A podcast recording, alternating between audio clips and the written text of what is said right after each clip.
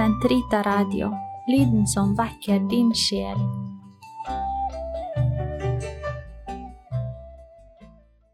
Kroppens teologi, en kommentar til pave Johannes Paul 2.s onsdagskatekeser av Eirik Ambrosius Stenhoff. Totus tuus ego sum, et omnia mea tua sunt, archipio te in mea omnia, prebe mi cor tum Maria.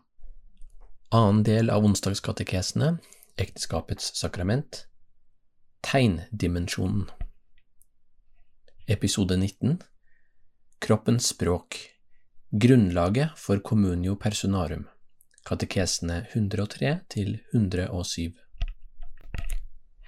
Del 3 Kjærlighet i sannhet. Kroppens språk og kristen etikk. Katekesene 105 til 107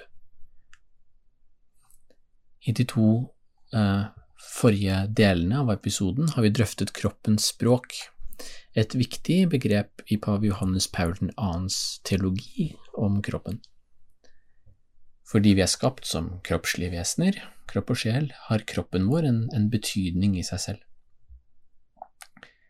Den kan uttrykke seg i pakt med sannheten eller i motsetning til sannheten.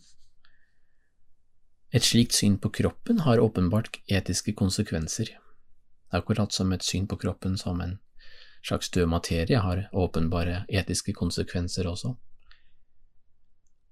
Om noen episoder skal vi se på sammenhengen mellom eh, begrepet kroppens språk og kirkens lære om det ekteskapelige samliv, eh, slik det kommer til uttrykk i Humane Vita.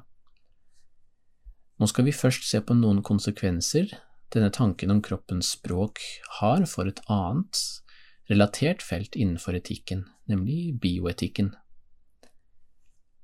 For de fleste kristne i vår tid, og dessuten mange ikke-kristne, utgjør utviklingen av ny bioteknologi en betydelig etisk utfordring. Moderne teknologi gjør det mulig uh, å få barn utenom den ekteskapelige handling mellom mann og kvinne, og det på stadig flere måter.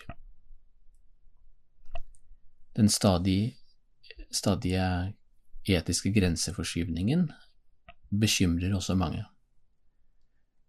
På samme tid fremstår seksualiteten for mange som et felt som ikke er interessant for mye etisk refleksjon, utover en svært viktig grunntanke om at sex skal være basert på en konsensus mellom to voksne parter. Seksualetikk er i det hele tatt et, et vanskelig tema også for mange kristne, særlig i kjølvannet av den brede aksepten av kunstige prevensjonsmidler, som i realiteten har endret på seksualitetens formål og praktiske rammer, og ført til, også på katolsk hold, til en slags minimumsetikk, om noen etikk i det hele tatt. Men Johannes Paul 2.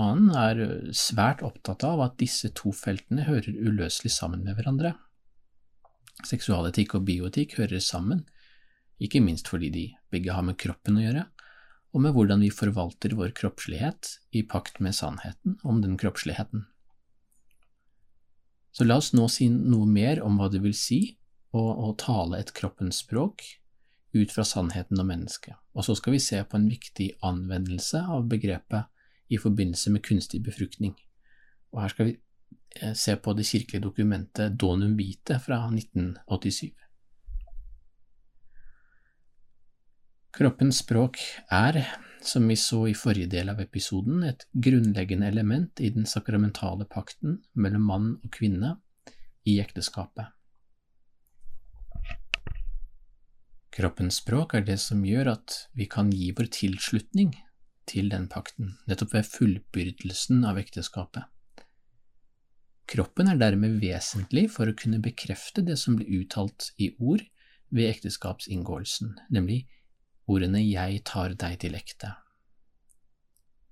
Så kroppen taler dermed sannheten om ekteskapet som er blitt inngått. Og gjennom ekteskapelig kjærlighet, trofasthet og integritet, sier paven, så bekreftes stadig denne sannheten om pakten mellom de to. På den annen side kan kroppen også uttrykke det, det motsatte, alt det som motsier pakten, som utroskap og også ufruktbar kjærlighet. I forrige del snakket vi om hvordan kroppen og ekteskapelig kjærlighet er en del av profetlitteraturen i Det gamle testamentet. Paven kalte dette for kroppens profetisme. Ekteskapssakramentet, som er inngått av de to som gifter seg, kan kalles for en profetisk handling, sier paven videre nå. Og ved å inngå ekteskapet bekrefter de sin deltakelse i kirkens profetiske oppdrag, nettopp som et tegn på Kristi kjærlighet til kirken. Og paven sier, sitat, en profet er en som uttrykker, i menneskelige ord, den sannheten som kommer fra Gud, og en som taler denne sannheten i Guds sted, i Hans navn, og i en forstand med Hans autoritet. Sitat slutt. Ekteskapsinngåelsen har en profetisk karakter fordi ekteskapet er et tegn på Guds kjærlighet til oss. Og denne kjærligheten vil først og fremst synliggjøres i mellommenneskelig fellesskap. Og det er interessant å reflektere over hvordan ekteskapet, som en slik communio personarum, begynner eh, med en erklæring om troskap i nærværet av den andre, som så må eh, følges opp av hele personen, kropp og sjel, hele livet igjennom, fra fullbyrdelsen eh, med kroppen. Så på denne måten kan vi si at eh, kroppens språk bærer vitnesbyrd både om skapelsen og forløsningen, sier paven.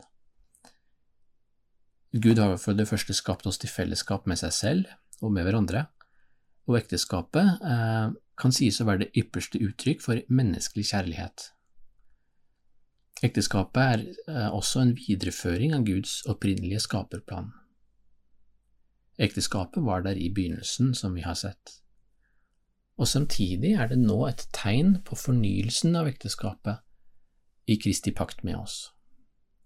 Derfor er Feserbrevet en så viktig lesenøkkel for pave Johannes Paul 2. Han skriver at vi må huske at kroppens språk først, sitat, ble talt ved den levende Guds ord, fra begynnelsen i Første Mosebok, gjennom profetene i den gamle pakt, hele veien frem til forfatteren av Efeserbrevet. Sitat slutt. Og akkurat som gudsfolket i den gamle pakt kunne være utro eller begå ekteskapsbrudd mot Gud, er det altså mulig for partene i et ekteskap å tale usant om den pakten eh, gjennom kroppen. Ordene i ekteskapsinngåelsen innebærer en beslutning om å forbli trofast mot kroppens språk. Dermed vil, som paven sier, ekteskapet i stor grad være basert på å leve etter sannheten eh, om dette tegnet. Og dette har også med kroppens prokreative betydning å gjøre, altså åpenheten for morskap og farskap.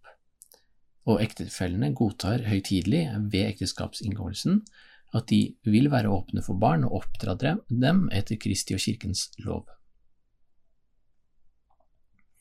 Paven gjør en distinksjon her som er, kan virke subtil, men er ganske viktig. For det første altså snakker han om kroppens språk som et uttrykk for sannheten om, om den menneskelige personen, og sannheten om ekteskapet, og dette har med ekteskapets sakramentalitet å gjøre. Det har altså en iboende teologisk dimensjon. Eh, for det andre snakker han om hvordan dette språket eh, brukes, altså hvordan det anvendes innenfor det ekteskapelige livet mellom mann og kone. Og her snakker vi om et etisk nivå, altså hvordan vi handler i verden. Vi snakker om ekteskapsetikk, og særlig seksualetikk, men også bioetikk, som vi skal se straks. Og vi ser jo også hvordan de eh, henger sammen. Det viktige poenget her er at måten vi bruker språket på, gjør vi i frihet. Og det er, det er mennesket som er opphavsmann til sitt eget kroppsspråk, så å si. Um, og det betyr også at vi må lære å snakke et språk som er i harmoni med det språket som vi er skapt for å snakke, så å si, gjennom måten vi handler på og uttrykker oss på. Og i en fallen verden vil vi alltid gjøre dette eh, full, ufullkomment. Men som vi har sett i episoden om syndefallet, er det mulig for oss å, å lære å leve bedre eh, Altså å, lære å leve i, i lys av Kristi frelsesverk eh, på den måten som Gud har kalt oss til fra opphavet av. Paven minner oss om at det syndige begjæret som vi leser oss eh, om hos eh, Johannes, i Johannes første brev for eksempel, sitat, ikke ødelegger vår evne til å lese kroppens språk i lys av sannheten, og å lese den på en stadig modnere og mer fullstendig måte. Sitat slutt. Og Dette er også svært viktig, for ellers vil det ikke være mulig i en forstand for mennesket å leve ut dette ekteskapssakramentet etter syndefallet.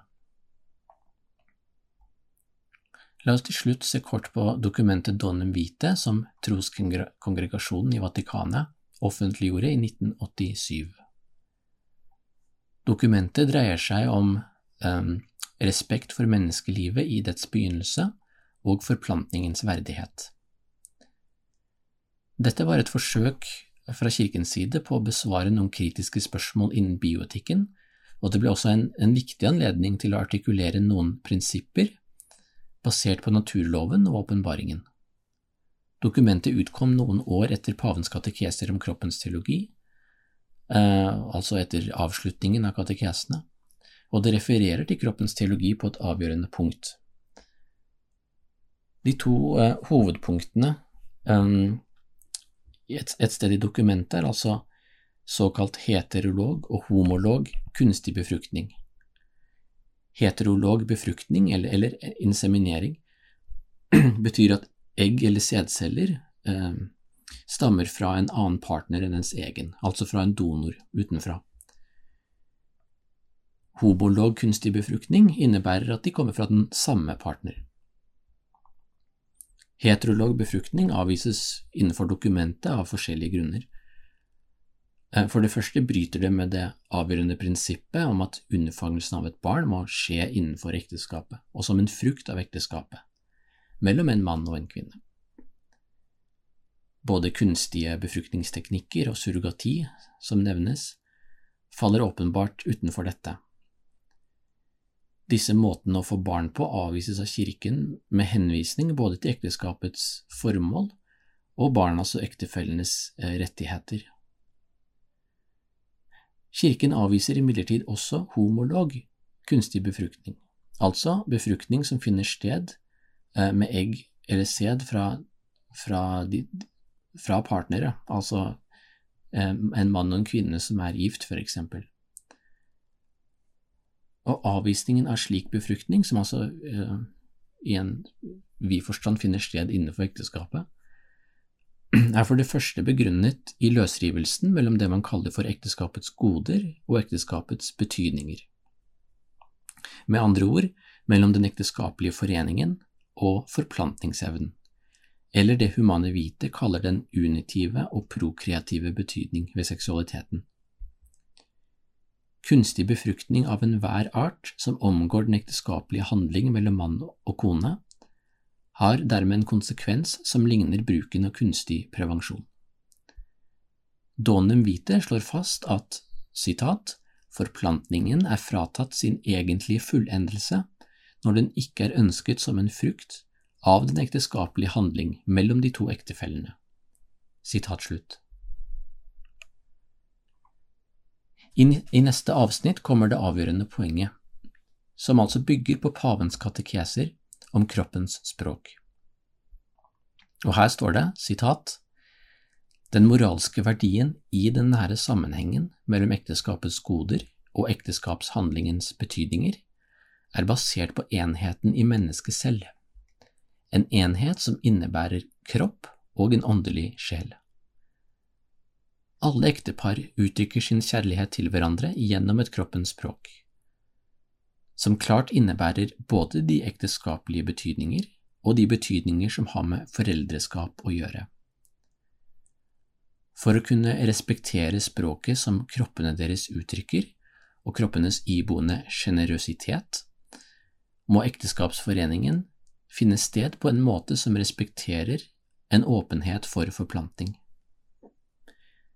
Underfangelsen av en annen person må være frukten og resultatet av ekteskapelig kjærlighet. På dette grunnlag konkluderer dokumentet. Sitat Befruktning som finner sted utenfor kroppene til ekteparet, er dermed fratatt de betydninger og verdier som uttrykkes i kroppens språk og i foreningen mellom de menneskelige personer. Sitat slutt. Som vi skal se i senere episoder, kan mye av det som her sies om kunstig befruktning, også sies om kunstig prevensjon, eller vice versa. Det de har til felles, er at de er basert på en antropologi og etikk der kroppens språk inngår som et vesentlig moment, et avgjørende moment. I de neste to episodene skal vi fordype det vi hittil har sagt om temaet. Først skal vi gi en fortløpende kommentar eh, til pavens egen kommentar om Salomos høysang, og så Tobits bok i Det gamle testamentet. Deretter skal vi se på temaet tegn og sakramentalitet fra et mer overordnet perspektiv, og spørre hvordan vi skal finne veien tilbake til det vi har mistet, nemlig et sakramentalt verdensbilde der tingene, naturen og menneskekroppen selv sto for et rikt betydningsmessig innhold som peker langt utover sin blotte eksistens, og til syvende og sist mot Gud selv. Gloria Patri et Filio et Spiritui Sancto, sicut erat in principio et nunc et semper, et in secula secolorum. Amen.